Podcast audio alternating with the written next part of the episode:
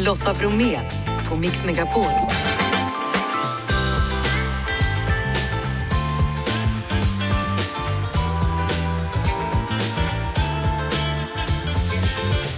Hallå där och varmt välkommen in till oss denna lillördag. I dagens onsdagsmix förutom en massa bra musik är du högkänslig. Nu kommer handboken för dig.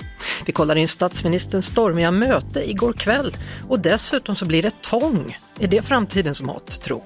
Och så gästas vi av Tove Styrke. Nu repar hon inför Bowie-musikalen Lazarus.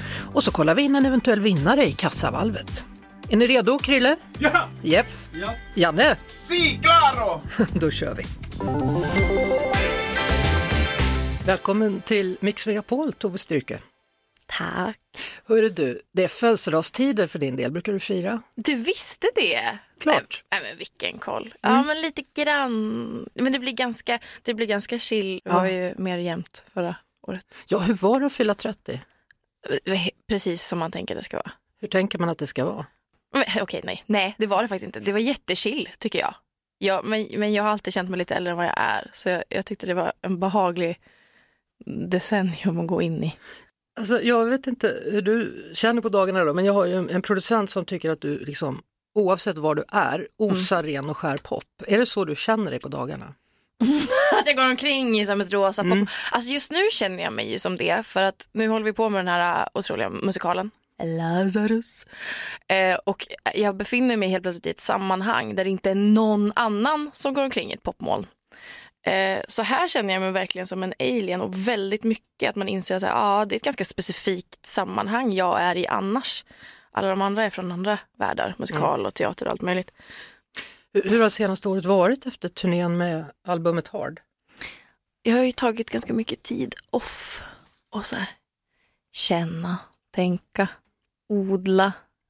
Fast det känns som att du gör det ibland. Ta Ja, ja. en liten paus. Ja, eller egentligen inte paus, mera alltså att jag inte syns för allmänheten kanske. Och sen jobbar jag snarare väldigt intensivt med mitt eget Mm. lilla inre liv. Ja. Håller det rikt. Men om vi struntar i att kalla det för paus då, ska vi kalla det Mm. omstart istället då? Är det bättre? Ja, men lite. En, Mm. lite som en recharge-period. Jag, tror, jag behöver det väldigt mycket. Jag tycker inte om den här äh, idén att man ska ha att det, det är viktigt att vara, att, att vara busy hela tiden. Ha så himla många järn i elden, tio grejer, bollar i luften. Så man bara, ja, men gör du någon av de bollarna så, så bra du kan då? Det tror inte jag. Eller kanske vissa gör. Folk har ju otroligt hög kapacitet. Men jag gillar inte att ha det så. Det är alltså premiär den 15 februari då nästa år. Vi ska prata mer Ja. om den här eh, musikalen Lazarus skapad av David Bowie.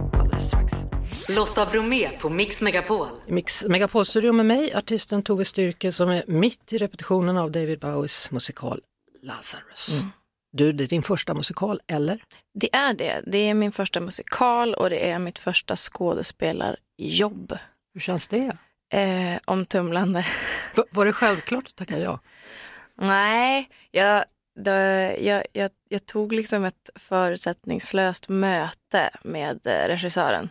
Efter det så kände jag att det här känns, det här känns rätt i magen. Det känns, som ett, eh, det känns som ett fint projekt. Det känns som ett bra ställe att börja testa sina vingar med lite sånt här. Och det var rätt, det har varit jättekul och väldigt utvecklande.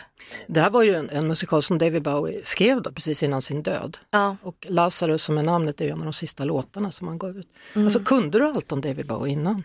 Absolut inte. Och att få vara med på det här, det har varit en fantastisk verkligen anledning att eh, dyka in i Bowie och i det här otroliga liksom, låtmaterialet. Jag har inte fattat hur, hur bra texter det är. Om man bara tittar väldigt snabbt på, både på den här föreställningen men även på David Bowie så känns det ofta så skruvat weird, tillspetsat, alltså nästan så här orelaterbart. Bara, "Ha, och han, sjunger om, han sjunger om life on Mars och det är liksom astronauter och stjärnorna överallt och eh, alla möjliga saker. Men sen när man väl bryter ner och tittar på texterna så är det så otroligt allmänmänskliga teman och väldigt gripande. Jag, eh, ja, otroligt tycker jag. Han har ju betytt också väldigt mycket i gayvärlden eftersom Mm. han kom ut som bisexuell väldigt, väldigt tidigt. Har, har, har det berört dig på något sätt? Visste du det eller har du lärt känna honom där nu? Det har jag alltid tyckt har varit väldigt så här, fin grej med honom, att han har haft en sån otroligt så här, stark androgynt uttryckssätt. Också som ofta har varit så okommenterat att säga, åh det här är inte, det är inte att det ska vara så flamboyant eller åh nu är jag eh, liksom, utan han, han har bara va, valt det uttrycket som ett intressant kreativt uttryck, vilket jag tycker är väldigt inspirerande som queer-person. Liksom. Alltså det, det är hans första och enda musikal och det var hans Mm. initiativ och han hade full konstnärlig kontroll. Inte helt olikt ditt sätt att arbeta. Eller? ja men du vill ju också ha koll, eller har du släppt lite på det nu? Nej, jag älskar kontroll. Det här, Ja. är, det här är en övning för mig. För här finns det ju en regissör Ja. som bestämmer allting. Ja. Jag fick, eh, hon som är kostymör, hon, hon är jätteduktig, stickar väldigt vackra saker. Och så liksom har hon hittat så här, en jättevacker blå stickad tröja som jag är helt kär i. Och man, liksom, man, man bara, åh. Fick du den? Och så, men så går man med den till Stefan och man säger, säg inte nej. Säg kanske, kanske, inte kanske. nej." Nej, men jag tänker, du har ju till och med va- varit involverad i att ta fram kostymer, du gör blixtlåsljud Mm. för att få lite, något unikt i en låt till exempel. Jag är nörd, jag håller ju på. Men, men alltså, är, är det bra att vara perfektionist eller är det något bra nu i att du får släppa lite? På något Ja. vis? Fast vill, alltså en hemlis, jag släpper det ju inte.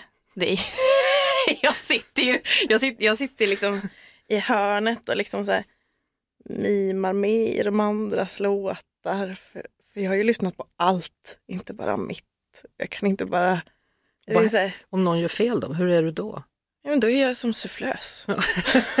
Så du har, det är du som är suffl- sufflören över hela, eller sufflösen över hela? Nej, framförallt på Absolute Beginners för då är jag i samma rum som dem och står där och där. kan Det är inte också hålla en mig. väldigt bra låt. Ja, jättefin.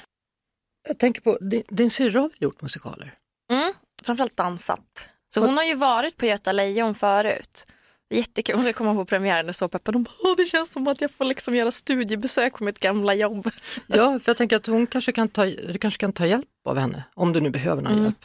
Jo men faktiskt, jag alltså, pratade med henne ändå ganska länge häromdagen. Jag hade en liten kris, jag kände mig så kass. Det är verkligen dags fram. Det är, alltså, det är höga berg och djupa dalar. En av dagarna man bara, alltså jag, Ja, jag är gjord för att göra det här. Nästa dag, jag bara, jag är, så- jag är kass. Hur kan hon släppa in mig på en scen? men eh, men eh, eh, hon, hon sa faktiskt just det, att man kan inte vara liksom dömande överhuvudtaget på en så här från dag till dag basis. Det går inte, utan man måste bara känna så här, jag gick dit, jag gjorde jobbet, det var kanon, nästa dag imorgon. Det är inte så långt till premiären i alla fall. Nej jag vet, det är så lite Nej men det sa jag inte för att stressa dig utan bara för att säga att, att det ska bli kul tänker jag. Nej, det ska bli jättekul. Ja, det ska Ja. bli kul att se dig där. Ja, kom, kom och kika. Lazarus alltså. Stort tack för att du kom till Mix Megapol. Tack, tack, alltid Ove kul. Styrke, detsamma. Lotta Bromé och den perfekta mixen på Mix Megapol. Igår så höll statsminister Ulf Kristersson och finansministern Elisabeth Svantesson en AV i Göteborg. Och det blev infekterat när en grupp pro-palestinier tagit sig in på mötet och protesterade högljutt. Sverige och EU står enat i att Israel har rätt till, folk, till försvar inom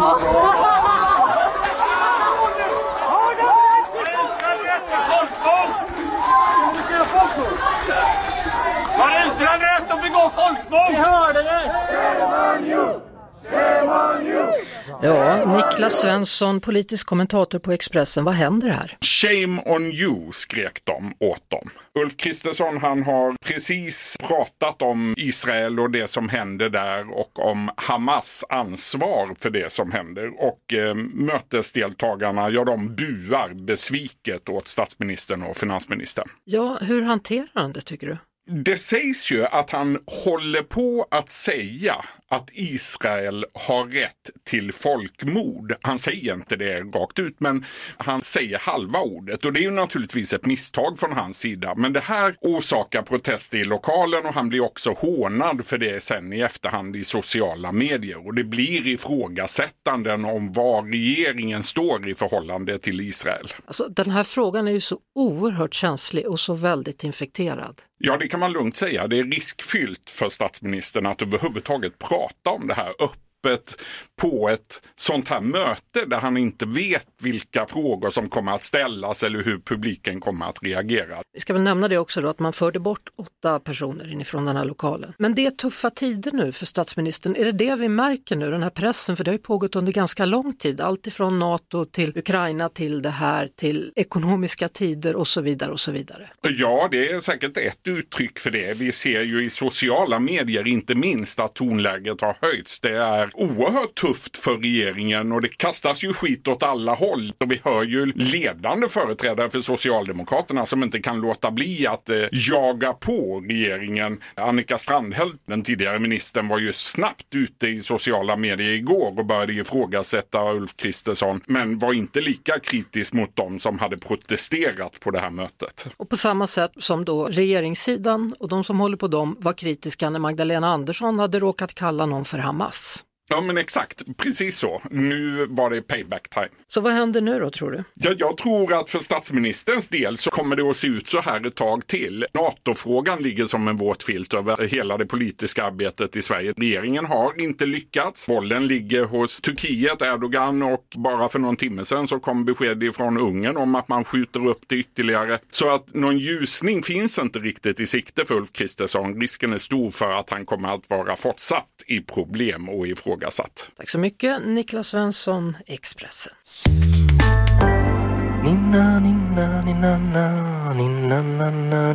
Har du hört talas om högkänslighet eller är du kanske till och med högkänslig? Då har jag en alldeles utmärkt handbok till dig. Med mig i Mix Megapol-studion nu, Åsa Wikman, socionom, författare och specialist på högkänslighet. Välkommen!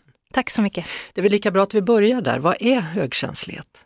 Högkänslighet är ett personlighetsdrag som finns hos cirka 30 procent av befolkningen. Vi övertänker lätt och ältar saker som har varit. Vi reagerar mer emotionellt på både positiva och negativa upplevelser. Är det det här man brukar kalla för HSP?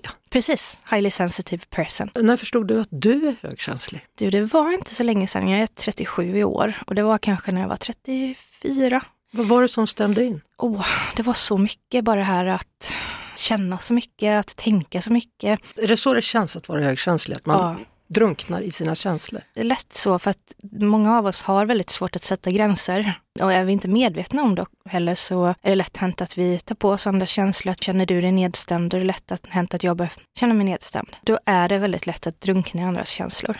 Stark empati är en av kännetecknen för någon som är högkänslig. Ja men precis. Och att man ältar saker, om och om igen.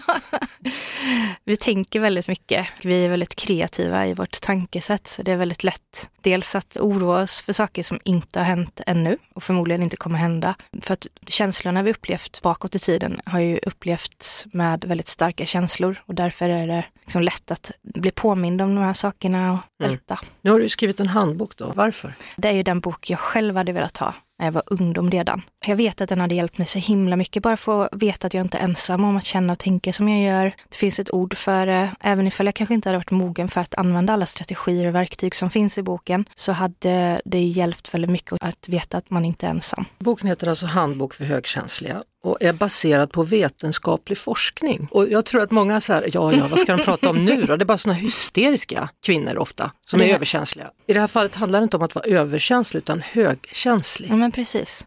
Alltså det ligger i våra gener, vi föds med det. Vetenskaplig forskning har bedrivits i över 30 år och man har gjort flera hjärnröntgen på högkänsliga personer. Och då har man sett att vi har mer alltså aktiva då, spegelneuroner, mer aktiva amygdala, vilket gör att vi lättare hamnar i kampflyktbeteende. Man har sett att vi har ett extra känsligt, mer känsligt centralt nervsystem så är vi väldigt känsliga för vår omgivning också. Mm. Så vi föds med det. Men kan man träna bort det? Nej, men med rätt verktyg så kan du vända utmaningarna som kan komma med personlighetsdraget till styrkor. Så vad är de viktigaste sakerna att tänka på när man är högkänslig? Att vara snäll mot sig själv, bli din egen bästa vän, för vi är ofta väldigt kritiska mot oss själva. Så byt ut den här elaka rösten och säg istället att du duger precis som du är. Sänk kraven på dig själv, många av oss är perfektionister. Våga sätta gränser, säg nej. Säg kroppen nej så är det ett nej. Är det inte ett säkert ja så är det också ett nej. Välj dig själv först, alltid. Vi oroar oss mycket för vad andra tycker om oss. Vi har hög yttre självmedvetenhet. Och då är det lätt hänt att vi oroar oss mycket för hur andra upplever oss och så. Och det här kombinerat med låg självkänsla då, som många av oss har. Då är det kört. då är det kört. Så är det. Eh, Stort tack för att du kom hit och Tack. gästade Mix Megapol. Tack snälla. Åsa Wikman och boken heter alltså Handbok för högkänsliga. Du lyssnar på Lotta Bromé på Mix Megapol. För bara några timmar sedan så vann Samuel Amand Änglamarkspriset, ett pris som delas ut till en ung aktör som kämpar för ett hållbart samhälle. Välkommen till Mix Megapol Samuel. Tack så jättemycket. Du har vunnit för, ja, tång. Berätta om tång. A new type of food mainly, but it can be used for all kind of different um, applications. Um, in Asia, of course, it's it's very well known, and we also know it from Asian dishes. More and more d- that we learn about it, it also becomes a very interesting crop to cultivate. Han berättar att tången har man ju använt och äter i Asien och det har man gjort i många år. Men han menar nu att det här kan vara framtidens mat då. Det är därför han har uppfunnit ett sätt som gör det enklare att odla tång. Vad behöver du för att kunna odla då? Not that much. The only stuff that we put in the water are anchors, buoys, and, and horizontal lines. And then we, we seed the baby seaweeds on these lines. And then the nature takes care of it. So it takes um, all its nutrients out of the water, um, it takes sunlight, and then it grows. So we don't have to spend any environmental costs like fertilizers and fresh water. Man behöver inte ha gödsel och annat utan det sköter sig själv mer eller mindre om man tar ner då på sådana här vattenlinjer och sen så odlar man där på sådana här små frön och sen så sätter allt sammans igång av sig självt då. Vad han har tänkt ut nu då det är ju att det ska vara enkelt för de flesta att kunna odla just tång. Eh, vad behöver man egentligen ha för att starta sin egna lilla farm? That's more complicated, sadly. So, so first of all, you need access to a good spot, and then you have to go through a lot of bureaucratic uh, permit processes. Now, Sweden is very much working to make this more straightforward, and that's actually where we want to come in with Coaston and help private persons, especially fishermen, to access and to start cultivating seaweed in a much more efficient way. Hans företag då har bestämt sig för att försöka göra det lättare för människor att odla. Det är fortfarande ganska mycket regler och byråkratiska sätt. Man behöver ju en bit där man verkligen kan odla det på och sen ska man ha tillstånd och saker och ting. Så vad han och hans företag nu försöker då det är att eh, franchisea ut ett koncept då så att det blir enklare för till exempel fiskare att också börja odla tång. Eh, Stort grattis då! Tack så jättemycket. Och tack för att du kom till Mix Megapol och lycka till Samuel Amand från Coastal. Tack. Du lyssnar på Lotta Bromé på Mix Megapol. Eh, ni vet att tidigare i programmet så pratade vi om det här bråket, de här stökigheterna som ägde rum igår när Ulf Kristersson hade AV. Eh, det fick mig osökt att tänka på den där gången när Birgit Friggebo var ute i Rinkeby och så kände hon att nu är det lite stökigt i rummet här, jag måste göra någonting åt det. Minns ni? Hallå, nu tycker jag att vi gemensamt i denna sal sjunger We shall overcome. Jo, det ska vi göra. Därför att det gagnar ingen av oss som är humanister, som försvarar er rätt att vara här, som med all kraft fördömer det som drabbar invandrarna. Nej, men nu gör vi det nu så att vi får ner stämningen i denna lokal. Vi tackar för idag. Det är Krille, det är Jeanette, det är Lotta och det är Janne och vår producent, precis som vanligt heter han Jeff Neumann. Vi hörs igen imorgon efter 16. Ett poddtips från Podplay. I podden Något Kaiko garanterar östgötarna Brutti och jag, Davva, dig en stor dos skratt. Där följer jag pladask för köttätandet igen. Man är lite som en jävla vampyr. Man har fått lite blodsmak och då måste man ha mer. Udda spaningar, fängslande anekdoter och en och annan arg rant. Jag måste ha mitt kaffe på morgonen för annars är jag ingen trevlig människa. Då är du ingen trevlig människa, punkt. Något Kaiko, hör du på Podplay. Därför är gardinerna.